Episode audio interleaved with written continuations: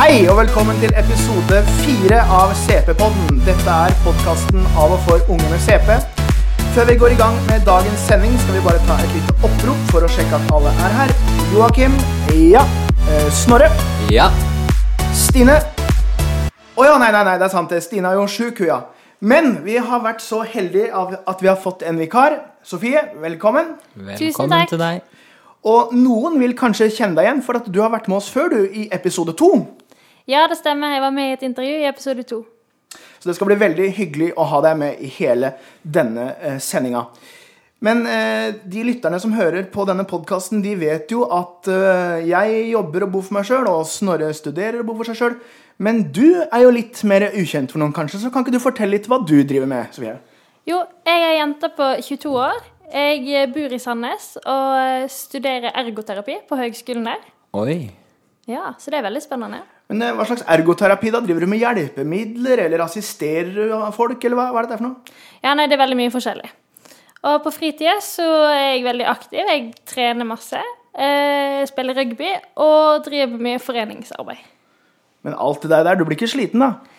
Jo, til en viss grad, men det er jo forskjellige former for slitenhet, så alt går, og det gir meg mye energi, så det er veldig kjekt. Ja, men jeg syns nå kommer vi veldig greit inn på litt av dagens temaer. For det vi skal snakke om i dag, det er nemlig psykisk helse og fatigue. Ja. Ja, det blir spennende. Men du, det er én ting jeg må ta opp med, altså. Nå begynner det å nærme seg våren og alt det der, men jeg kommer ikke unna den der forbaskede vinteren! Det har vært så mye snø i Skien at jeg har vært innesnødd og har måttet ta flere dager, og for ikke å si uker, med hjemmekontor. Jeg har ikke kunnet handle engang, så stakkars bestefaren min på snart 70 år har måttet komme seg ut av pensjonisttilværelsen og måtte handle for meg i flere uker. Nå er jeg forbanna! Yes. Ja, ja. Og for meg så er det jo egentlig sånn at snøen og, og den situasjonen som har vært, den har jeg egentlig sett mest innefra. Fordi jeg er i en situasjon der jeg gjør ferdig studiene mine, så jeg er så heldig at jeg kan sitte på et eh, varmt kontor i, og se ut på snøen. Men jeg og er frustrert på at det har vært litt vær i det siste, ja. Fine utsikter, da, i hvert fall. Absolutt. Men du og Sofie, åssen har det vært med deg og snø? Nei, jeg er også så heldig at eh, i Sandnes, der jeg bor, der har det ikke vært så veldig mye snø, og eh, egentlig var det veldig greit. Uff, dere to og den der flaksen, altså. Ja ja, vi får bare kjøre på! Vil du ha en tur til Gran Canaria?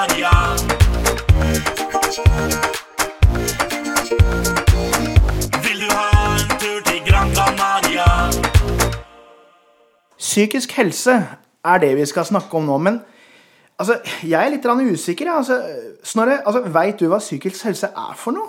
Nei, eh, det er et stort tema og mye å ta tak i, så jeg er litt Ja. usikker. Men Sofie kanskje vet noe mer? Det handler kanskje litt mer om hvordan en føler det inni seg, og hva en tenker om seg sjøl. Ja, det er mulig, ja. Så Jeg veit ikke. Men eh, vi har vært så heldige at vi har fått eksperthjelp fra Helene Høie, så henne skal vi hø få høre mer fra senere. Men vi sendte Marte Broderstad Sandvik ut på gata vi, for å høre med et par, par folk om hva psykisk helse er. Og det hun spurte om, det var hva tenker du på når du hører ordet psykisk helse? Nei, da eh, tenker jo jeg på eh, på eh, sykdommer og lidelser som har utgangspunkt i eh, følelseslivet vårt. Hvordan vi er skrudd sammen på det punktet, hva slags opplevelser vi har hatt i livet, hva som har påvirka oss osv. Og, og, og fått oss på en måte ut av balanse. Ja, og har du noen tanker om hvorfor akkurat dette temaet er blitt så tabubelagt? Ja, nå er jeg ikke enig i at det er så veldig tabubelagt. Jeg tror eh, det er mange som, eh, som prater om det og, eh, og er opptatt av det. Men i den grad at folk kvier seg for å ta det opp, så handler det kanskje litt om at man er i villrede om hvordan man skal gripe saken an. Hva man skal gjøre med det. At man har lite kunnskaper om, eh, om eh, hvordan dette behandles i hverdagen. Psykisk helse, da, Eh, altså, da tenker jeg jo på hvordan man har det i hodet sitt, og med tanker og følelser. Eh, og det igjen altså Det påvirker jo hvordan kroppen har det, men eh, egentlig hvordan man har det med tankene sine. Jeg tror det er det jeg forbinder med psykisk helse. Og det er jo veldig oppe i eh, dagsorden, og man prøver å få vekk det her tabuet. Og eh, Hvilke tanker gjør du deg i forhold til hvorfor er dette et tabu? Det er jo veldig vanskelig hvis man har det vanskelig. Det jo, kan jo være veldig vanskelig å innrømme for andre, og kan være veldig vanskelig å innrømme for seg sjøl. Eh, og så kan jeg tenke at det kan være vanskelig å, eh, å rett og slett forstå. Eh, ikke sikkert man er klar over at man har det dårlig. eh, så det kan jo være grunner til at det ikke snakkes om. Eh, og så tror jeg at man har vært gjennom ei tid der det har vært veldig sånn eh, fokus på at man skal være vellykka, man skal få til veldig mye på én gang. Eh, det skal ikke være Man skal liksom kunne fikse alt. Nettopp. Eh, men samtidig så syns jeg at jeg merka ei slags dreining på det. At det er mer vanlig nå å snakke om psykisk helse enn det var for kanskje fem år siden bare. Fordi jeg syns jeg ser det er flere TV-program og radioprogram som tar opp akkurat det der. Eh, Det er vanligere å kunne si at ja, jeg har hatt det litt tøft, jeg går til psykolog eh, nå enn det var for noen år siden. Så jeg syns det er veldig bra at det, altså, det ser ut som det snakkes mer om enn det har blitt gjort før.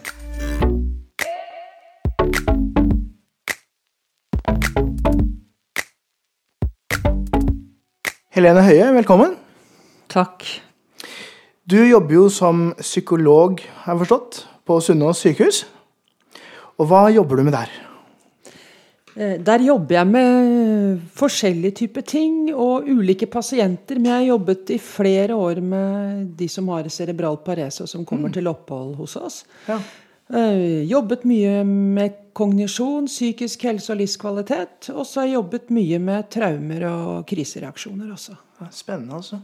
Men du, da lurer jeg egentlig bare på Hva er egentlig psykisk helse for noe? Ja, det fins egentlig ingen tydelig definisjon av psykisk helse, men de som allikevel drister seg til å mene noe om det, Ja, sier at det, det dreier seg om tanker og følelser. Sånn som vi hørte innledningsvis, litt hvordan man har det på innsiden. ja. Men også hva slags forhold vi har til hverandre. Eh, Forhold til andre, og hvordan vi mestrer eh, hverdagsutfordringer. Så kanskje vi også kan si, hvis vi setter det litt på spissen, at det, det dreier seg ikke bare om hvordan vi har det. For det kan knyttes mye til somatisk eller kroppslig helse, men kanskje mye til hvordan vi tar det. Så det handler egentlig kort og godt om hvordan man har det med seg selv innvendig, da, kan man si. Yes. Ja. Men eh, hvorfor er det sånn at noen utvikler dårligere psykiske helse enn andre? Vet noe om det? Ja, vi vet en del om det. eh, Og det er eh, ganske komplisert, egentlig. For vi vet jo noe om arv og miljø. Vi vet at folk kan eh, bli født eller tidlig utvikle ulik grad av sårbarhet i møte med det å skulle F.eks. regulere følelser, tenke konstruktivt om ulike situasjoner, litt krevende situasjoner man kommer i. Så vi kan si noe om at det har noe med sårbarhet å gjøre i forhold til kanskje de genene vi har. Men det kan aldri forklare psykiske vansker i seg selv. Så det kommer jo mye an på miljøet, da. Og det er jo ikke sånn at påkjenninger vi mennesker opplever i denne verden, er rettferdig fordelt. Noen har jo større utfordringer, møter på større utfordringer i livet enn andre. Og det er forskjellig hva slags grad av støtte man har. Og kanskje også sånn at vi mennesker eh, har lært oss mestringsmetoder eller mestringsstrategier i ulik grad. Og alt det her påvirker eh, psykisk helse. Ok. Ok. Men som vi hørte på innslaget her nå i stad, så ble det jo nevnt at dette med psykisk helse, det var litt, eh, det var litt tabubelagt. Hva tenker du om det? Ja, det tror jeg du har hatt helt rett i, altså. Det var det. Ja. Eh, Men vi har vel inntrykk av at det kanskje har endret seg eh, mye de siste ja, 10-15 år, kanskje, at det er en mye større grad av åpenhet om det. Og så forstår man mer av årsakene til psykisk helse, sånn at det er ikke slik lenger at man tenker at man ikke er god nok eller ikke gjør det bra nok hvis man får psykiske utfordringer. For man vet også det at eh, det nettopp kan skyldes andre typer sårbarheter som gjør at eh, på en måte Man tillegger ikke individet så stor grad av skyld da, hvis det skjer da at man skulle få psykiske utfordringer. Og så er det sånn at det, det er egentlig veldig fint, men det er jo veldig mange nå som har gått ut og snakker ganske åpent om psykiske utfordringer. Og på en Ikke sant? måte, Vi leser jo blogger, og det er jo stadig diskusjoner på nett eller på debatter osv., så, videre, så det er vel kanskje mer åpenhet om det nå enn det var tidligere, vil jeg tro. Ja, Ja. i ganske så stor grad. Og folk forteller litt om hvordan de har hatt det, og ikke minst hvordan de har kommet seg ut av det, eller kommet seg gjennom det, eller lever med det. Mhm. Og får til å leve med det. For det er mange som har en del psykiske plager også som kanskje ikke alltid går over, men som de etter hvert greier å leve ganske bra med. Ja. Men eh, i forhold til CP og sånt, nå er det slik at folk med CP eh, får lettere psykiske plager enn andre? Er det noen statistikk på det, eller? Ja, det der har man, vært litt usikker på. Altså. Ja. Men, men nå er det litt forskning som kan tyde på at barn iallfall har litt økt risiko. Mhm. Eh, Og det kan ha noe med den sårbarheten man eh, fødes med, eller tidlig får uh, pga. den der lille skaden da, som Ja, er i hjernen, og som forårsaker CP-en. Ja. Eh, men det er litt vanskelig å vite hva som er høna og egget, for man vet jo også at Ja. barn i en sånn situasjon eh, Kanskje barn som strever med å, å, å bevege seg sånn som de ønsker, å være så sosialt aktive som andre barn. De kan kanskje få på en måte utvikle litt psykiske utfordringer pga. det. Ensomhet, f.eks. Og så vet man at uh, de, de har foreldre som iallfall er ganske bekymra for det, og som passer godt på. Ja. Det kan vi si som en hovedregel. Men med voksne så vet man litt mindre, og det er ikke så mye som tyder på, ut ifra det man vet foreløpig, at eh, voksne med CP har så mye dårligere psykisk helse enn andre. De har iallfall sånn noenlunde lik livskvalitet, faktisk. ja. Men man kan jo tenke det at med økt belastning, altså, som CP kan gi, for at det er så mye man må på en måte få til å mestre litt ekstra godt, da. ja. Så er det noen som kanskje vil streve pga. det, men så er det også ganske mange som faktisk utvikler veldig gode mestringsmetoder og mestringsteknikker Ja. nettopp fordi at eh, de må passe litt ekstra på å faktisk være litt ekstra flinke. ja. Man finner liksom alternative løsninger for å løse problemene sine, eller? Det Ja. kan vi tenke. Jeg kan jo eh, nevne en ting. Jeg husker f.eks. fra jeg var liten, eh, når jeg var sånn cirka når man hadde vært ni år, eller noe sånt, tenker jeg, så begynte jeg å forstå dette her med at CP det er liksom ikke noe som man kan bli kvitt. CP-en den har man for godt. Jeg kan huske en episode fra barneskolen for eksempel, hvor de andre da løp rundt og lekte Sistens, men jeg da ble sittende igjen fordi jeg ikke kunne løpe som alle andre. og sånt. Og det, det kom som et, eh, som et sjokk på meg da, som, som liten. Så dette her med mobbing og det å føle seg annerledes og sånt, nå er det et typisk, eh, en typisk problemstilling for, eh, for folk med CP. Ja, jeg syns jeg har møtt mange som har kjent seg litt annerledes, iallfall sånn et, kanskje litt mer etter hvert. Så det kommer jo an på om man har en CP som er veldig synlig mm, på utsiden for andre. Altså F.eks. en type CP som gjør at man må sitte av og til i alfa eller alltid i rullestol, eller man eh, kan streve litt med gange. Ja. Men så fins det jo også de CP-variantene som er mer usynlige for omverdenen. Eh, Så det derre annerledesfølelsen, den den er det nok mange som har på en eller annen måte. Men så tror jeg også med god sosial støtte, så tror jeg mange av de også på en måte tidlig får eh, beskjed om at eh, altså, alle eh, mennesker er unike på hver sin måte. Mm. Så jeg tror at ved å unngå å sammenligne seg så altfor mye, så vil det være bra for psykisk helse. Ja, så Det handler om å finne på en måte det beste i seg selv og ha noen å prate med, da, kanskje. Men apropos det å ha noen å prate med, altså hvis man på en måte har en tung periode over seg fordi man oppdager at man har litt psykiske problemer eller, eller er litt annerledes, eh, hvem er det man da kan kontakte? Eh, Jeg tenker at hvis man er barn eller ungdom, så er iallfall min erfaring at det er veldig mange kloke helsesøstre rundt omkring på skolene. Og som gjerne kjenner oppvekstmiljøet, ungdomsmiljøet, eh, godt lokalt. Og så er det også sånn at fastlegen har en nøkkelrolle i forhold til å, å eh, vurdere hva man trenger av hjelp eh, i bred forstand når det gjelder helse, også psykisk helse. Og kanskje kan eh, komme med råd og, og gi en eller annen henvisning til noen profesjonelle hvis man trenger en sånn type støtte. Eller så vil jeg jo tenke det at eh, det å ha gode nettverk, det å ha gode venner som man kan være fortrolige med, eh, er veldig viktig, og kanskje det aller, aller viktigste. Prøve å snakke, noen, snakke med noen i lik situasjon. Er det Ja, ofte et eh, godt hjelpemiddel, kanskje? Ja. Og Kanskje er det noen i lokal CP-forening som eh, man kunne snakket med om de tingene her. Og ofte så er det litt fint, det, for at da kan man gi hverandre litt tips og råd også. Ja, ja. Eh, Fra noen som på en måte Og, og hvis de tipsene og rådene kommer fra noen som er eh, på innsiden, som vet hva det her eh, innebærer, som kjenner det på kroppen, så kan det være en kolossal støtte i det. Men en annen ting som også brer mer og mer om seg, det er jo dette her med eh, sosiale medier og diverse apper på mobilen og alt mulig. Man skriver jo innlegg om sin perfekte hverdag, man poster jo bilder av den perfekte kroppen og det perfekte utseendet, de perfekte klærne og den dyreste moten osv. Hvordan kan det påvirke den psykiske helsen, tror du? Ja, det er et veldig godt spørsmål. Altså. Et, egentlig et viktig tema for eh, vår samtid. For Ja. eh, det er klart at når man er voksen, så greier man kanskje å gjennomskue eh, det du sier, ikke sant? At man skjønner at det er en, nærmest en slags eventyrfremstilling av livet, hverdagen. eh, av hvordan kroppene ser ut.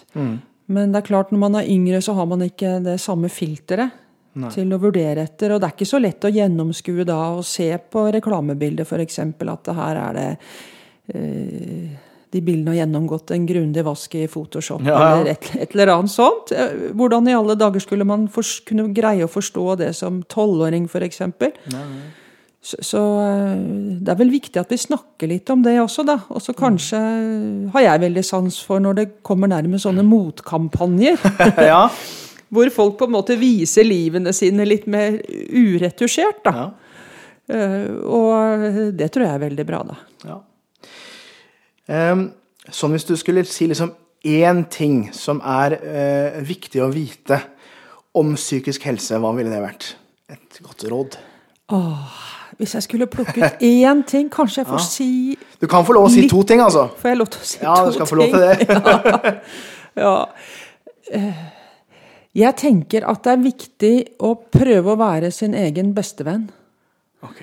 Ja, og det vil si at man må være litt bevisst på hvordan man snakker til seg selv når ting er vanskelig og vrient, for det er det alltid av og til. Det hører med i alle menneskeliv. Helt klart. Det tenker jeg er det eh, viktigste. Og så får jeg si noe som eh, er nesten like viktig. Ja. Ja. Ja. Og det er å omgås med folk som man kjenner at vil en vel. Og prøve å legge til rette for det. Eh, For eh, vi mennesker, vi trenger hverandre også. Det var flott å høre. Da lar vi det være siste ord, Helene. Tusen takk for at du kom. Det der fikk meg til å tenke veldig, altså. Hva, hva er deres tanker eh, rundt det vi hørte nå? Nei, jeg tenker at det er veldig viktig å snakke med folk ved åpen. Eh, dele erfaringer. Jeg ser også at CEP-foreningen har vært veldig viktig for meg, fordi det har vært en arena der jeg kan komme og snakke med folk, og ja, vi kan snakke om ting som er vanskelig, og dele erfaringer. Eh, Men er det ikke sånn at eh, CEP-foreningen har en sånn ordning? Joakim? Jo, det stemmer det. Eh, både Snorre og jeg, faktisk. Vi er telefonkontakter for unge med CP. Det er vi. Ja, men hva er egentlig en telefonkontakt? Nei, en telefonkontakt er en person som eh, da muligens er i samme situasjon som den som ringer inn, og kan da gi eh, råd og veiledning til den som trenger hjelp på telefonen. Ja. Men Snorre, hvem som tar kontakt med dere? Du, det kan være egentlig hvem som helst. Eh, nå er det sånn at vi er telefonkontakter for unge.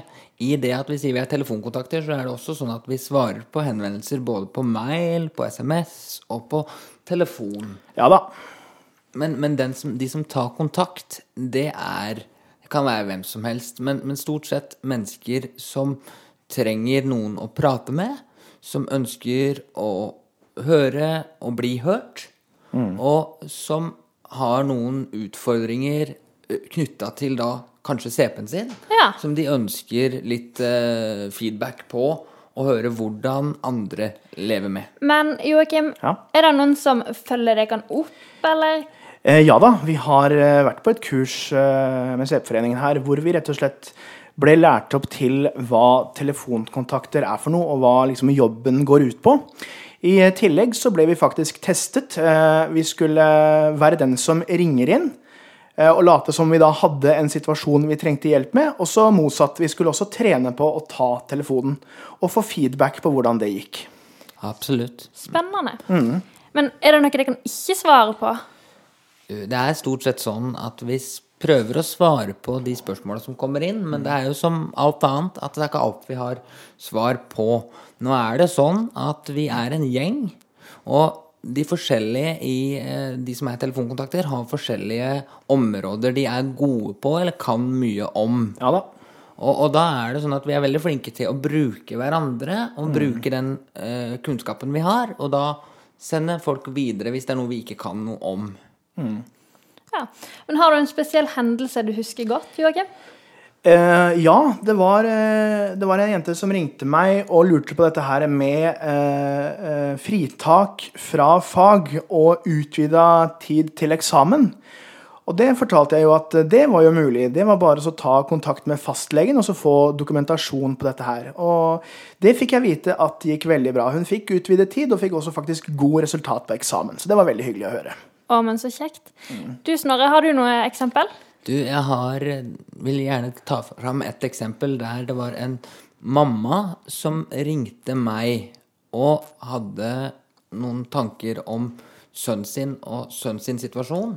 Og jeg fikk veldig fort eh, en følelse av at det det her mennesket trengte, var at jeg lytta. Jeg lokka munnen, åpna øra og var til stede for det her mennesket. Ja.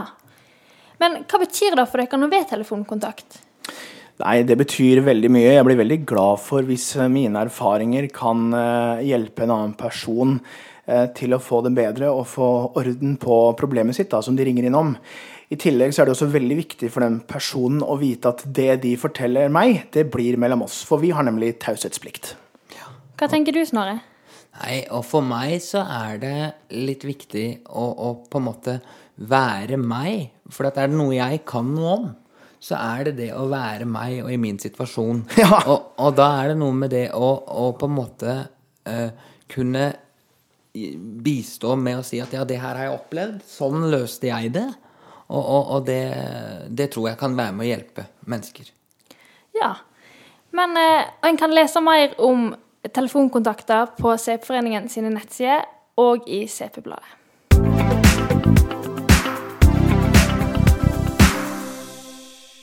Det var mørkt. Det var kaldt. Det var høst.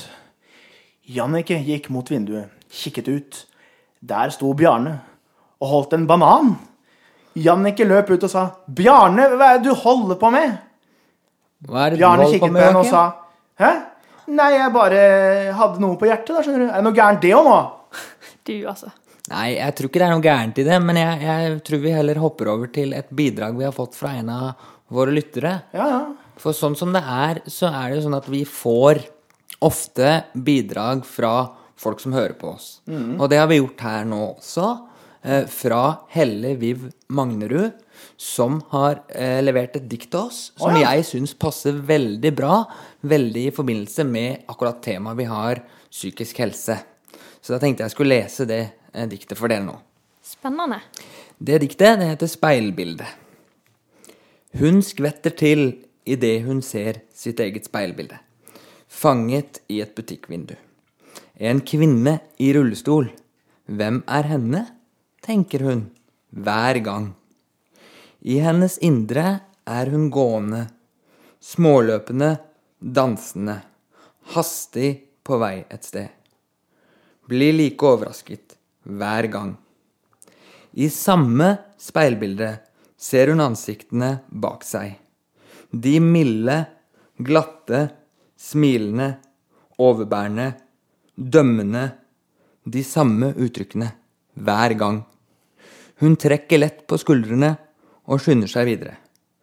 Har dårlig tid, i likhet med ansiktene bak seg.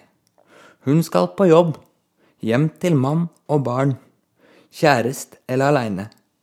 Hun ser ingen forskjell, bare de andre gjør, hver gang. Sterkt.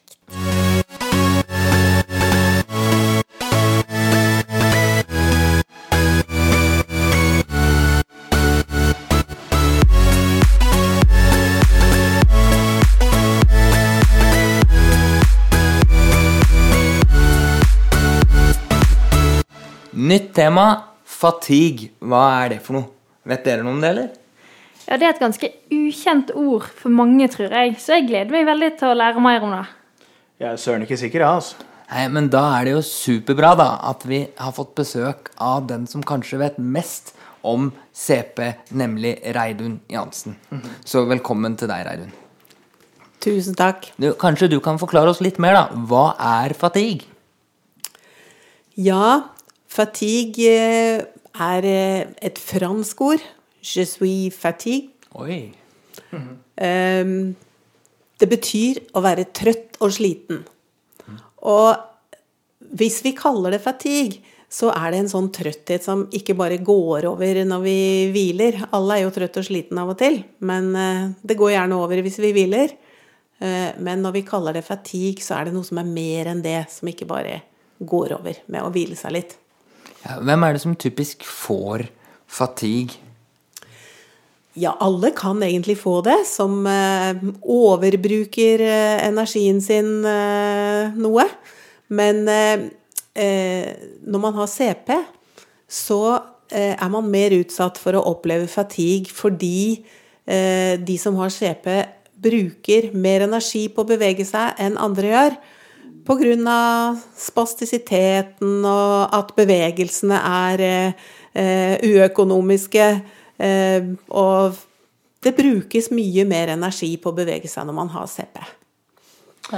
Interessant det der du nevner med at, eh, at vi med CP bruker mer krefter, da kanskje har lettere for å få fatigue. Men når er det det slår ut? Er det når man er ung? Er det når man er voksen? Altså, Ja, Som regel så, så er man kanskje ungdom og voksen da, før man merker mye til det, men barn kan også faktisk gjøre det. Hvis de bruker veldig mye energi i dagliglivet, alt ifra barneskolen, hvor det da plutselig eh, blir stilt nye krav eh, enn det ble gjort da de gikk i barnehagen, så kan det være at eh, ok, de går på skolen, og så merker foreldrene at de må bare hvile når de kommer hjem, og kanskje ikke orker å gjøre alle fritidsaktivitetene og sånn. Og det er da det blir viktig at foreldrene begynner å, å, å, å finne ut hva er det barnet virkelig har lyst til å gjøre, hva er det vi må passe på å bruke energien på. Kanskje, kanskje de må få eh, la være å gå til skolen, kanskje de kan kjøres eller eh, få hjelp til noen ting. Da. Eksempel alle de her dagliglivsaktivitetene med å kle av og på seg og ordne og fikse alt mulig. Kanskje noen, de skal få hjelp til det for å kunne bruke energien, f.eks. på skolen. Og i voksen alder, da, hvis man studerer eller jobber, så må man kanskje få hjelp til en del praktiske ting. Men er fatigue noe som går over? Ja, heldigvis det kan det gjøre. Men eh, hvis fatigue er noe man opplever eh, ofte, så er det viktig å, å tenke at eh, jeg må faktisk prioritere mellom alle de aktivitetene jeg egentlig gjerne vil gjøre. Eh, For da er det et tegn på at eh, du bruker så mye energi i dagliglivet at kroppen blir utslitt. Og da eh, er det liksom å tenke hva er det som er viktigst for meg å bruke energien på, hvis den da er noe begrensa. Men, men åssen er det egentlig, når vi snakka litt om hva det kan være Men hvis han opplever litt av de her tinga, da, og, og begynner å lure på ja, er det fatigue, eller er det noe annet, åssen kan du finne ut av det og få hjelp til Åssen kan jeg gjøre, åssen kan jeg leve med det og sånn?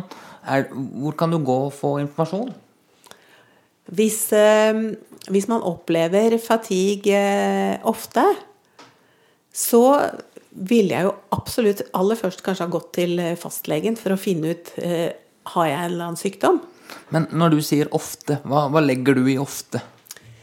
Ja, nei, hvis du eh, er, opplever at du er veldig utmatta og sliten eh, en gang, eller tre ganger i året, eller noe, så er det ikke så Det, det gjør kanskje veldig mange. Men hvis du opplever det hver uke, f.eks., at eh, du og ikke blir restituert, som vi snakker om i idretten, da, Mm. når du hviler, så ville jeg gått og sjekka med fastlegen har jeg en eller annen sykdom. For det kan jo være noe annet enn at du bare er sliten.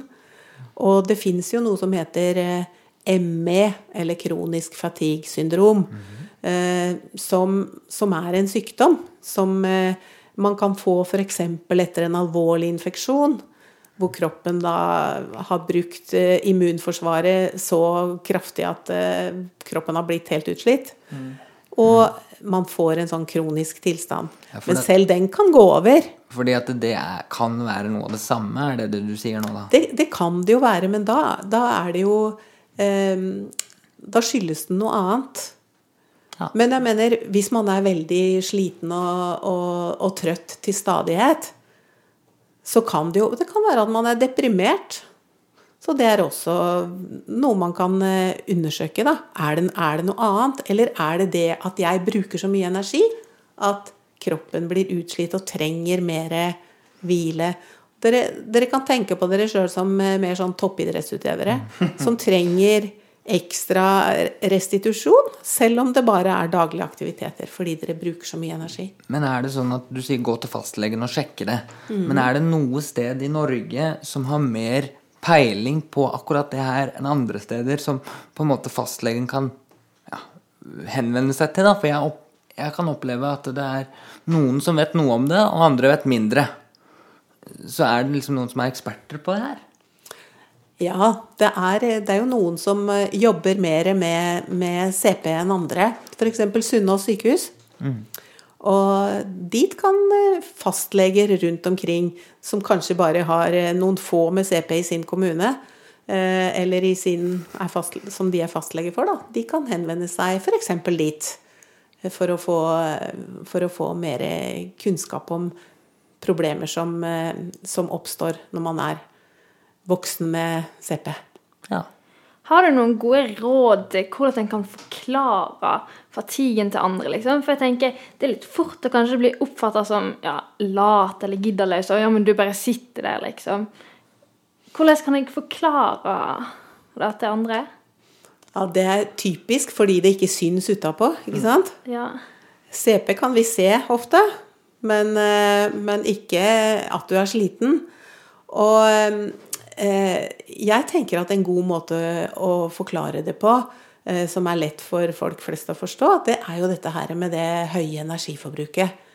Fordi eh, bevegelsene da er mer sånn uøkonomiske og med spastiske muskler osv. Så, videre, så bruker du mye mer energi enn vanlig, og det tror jeg folk eh, flest kan forstå. Ja. Vi snakker jo her stadig om bruk av energinivå. Og hvis du har gjort deg så sliten da, at du har fått fatigue, er det noe, er det noe du da har eh, bestandig, eller er det noe som kan gå over etter hvert? Det kan gå over. Men det betyr at, eh, at man kanskje er nødt til å, å eh, prioritere mellom ulike aktiviteter, da. På den ene sida så eh, skal eh, kroppen holdes i form. Eh, hvis man har elendig form og kondis f.eks., så blir man enda fortere sliten. Men på den annen side, så hvis man bruker mye mer energi hele dagen, så, så, må, så må man prioritere mellom ulike aktiviteter. Og det å finne ut av hva er det som er viktigst for meg. Er det jobben? Er det studiene?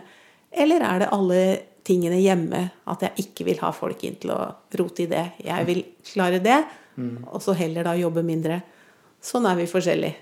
Rett og slett energiøkonomisering. Nemlig. Mm. Nemlig. Det er vanskelig. Ja, det er ikke så lett. Nei. Det er det. Um, Er det noe spesielt du har lyst til å si til lytterne våre som vi ikke har vært inne på nå? Ja, for de som eh, har CP, da, så gjelder det jo å tenke med seg sjøl hva er det som er viktigst for meg å bruke energien min på. Eh, og for de som da ikke har CP, men som eh, er i nærheten av eh, folk med CP, enten familie eller sjefer eller hva det nå er, så er det jo viktig at de respekterer og ser og forstår at dere faktisk bruker mye mer energi enn alle andre, og at det er nødvendig å tilrettelegge for at eh, dere skal holde i 100 år som alle andre. Da tar vi til oss det du sa der, og så sier vi tusen hjertelig takk for at du kom. Tusen takk, det var veldig lærerikt. Takk sjøl. Det er jo dere som har lært meg alt jeg kan om CP. Da skal vi ha konkurranse. Eller rettere sagt, vi skal snakke om forrige episodes konkurranse. Og hva var premissene der, Snorre? Det var snakk om å dele et innlegg om episode tre på Facebook. Ja. Og der har vi to vinnere. Dan Are Lykke Larsen og Camilla Stenersen. Gratulerer! Gratulerer, ja. Og da er det viktig å si til dere at dere må sende oss adresse og størrelse. Ja, Hvis ikke så blir det dobbel X. Ja.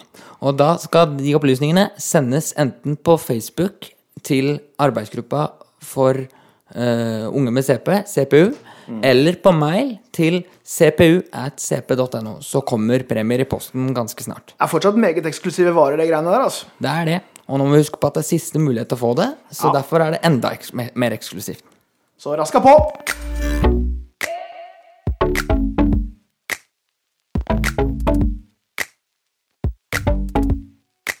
Ja, nå begynner det altså å nærme seg slutten, og dette er jo, eh, dette er jo siste episode av, eh, av C-podden. Men eh, Sofie, eh, jeg er litt interessert i å høre hvordan syns du det har gått som eh, programleder her? Nei, det har vært eh, veldig spennende. Eh, helt nytt for meg. da. Jeg har aldri sittet Ja. i denne stolen før og hatt såpass mye ansvar. og ja, Nei, det har vært veldig kjekt, og kjekt å få være med dere og faktisk ta stor, stor del i det. Jeg syns du har klart deg veldig bra. Ja, jeg syns du har hatt en takk. fantastisk vikar for Stine. Ja. Tusen takk. Hva tenker du da, Snorre? Du, det her er litt sånn vemodig når det er siste gang og sånn, men det jeg vil si som jeg har lært mest av, er rett og slett det å få lov å være med på det her. Det har betydd veldig, veldig mye for meg. Eh, da er det veldig mye jobb, jeg husker først og fremst, Ja, men si. det er også et veldig godt resultat, ja. Absolutt. Absolutt. syns jeg. Ja, og jeg husker, eh, jeg husker når det hele greiene starta for snart et år siden. Så husker jeg Margarete kom til meg og sa du vil ikke være programleder i denne podkasten. da? Og da tenkte jeg bare Yes! tenkte jeg. Nå får jeg endelig sjansen til å prøve meg på dette her. Og jeg hadde aldri trodd at resultatet skulle bli så bra som det har blitt. Vi har hatt fantastiske produsenter, en fantastisk tekniker. Og jeg syns vi også har vært dyktige. Og ikke minst har vi fått utrolig mange gode eksterne bidrag som vi har fått bruke. Men dere, det er jo én vi savner. Det er jo Stine som har vært med i tre av disse fire episodene. Så jeg er litt interessert i å høre hva Stine også tenker om dette her fra sofaen. Hei, alle sammen. Sender dere en liten hilsen her fra sofaen. Skulle veldig, veldig gjerne vært med på sendinga, men eh, noen ganger så må helsa komme først. Jeg syns det har vært utrolig spennende og morsomt, og ikke minst veldig lærerikt, å få lov til å være en del av redaksjonsgruppa for C-podden. Og det å være programleder, det har vært eh, veldig morsomt. Eh, som liten så likte jeg å lage mine egne radioprogrammer, eh, hvor jeg gjerne var alle stemmene på en gang. Så det å ha to medprogramledere som har eh, støttet og hjulpet til underveis, det har vært eh, ekstra morsomt. Og så håper jeg jo at eh, dere som har hørt på, har fått noe igjen. Og jeg håper også at C-podden kan bidra til å spre informasjon om CP. Ikke bare til personer som har CP selv, men også til mennesker som kanskje er litt nysgjerrig, som lurer litt, som har lyst til å vite mer om CP. Og jeg skjønner jo at det er en ønskedrøm. At man skal kunne nå ut til så mange. Men om vi har nådd ut til bare noen få, så tenker jeg at eh, da er dette prosjektet uansett veldig, veldig verdt det.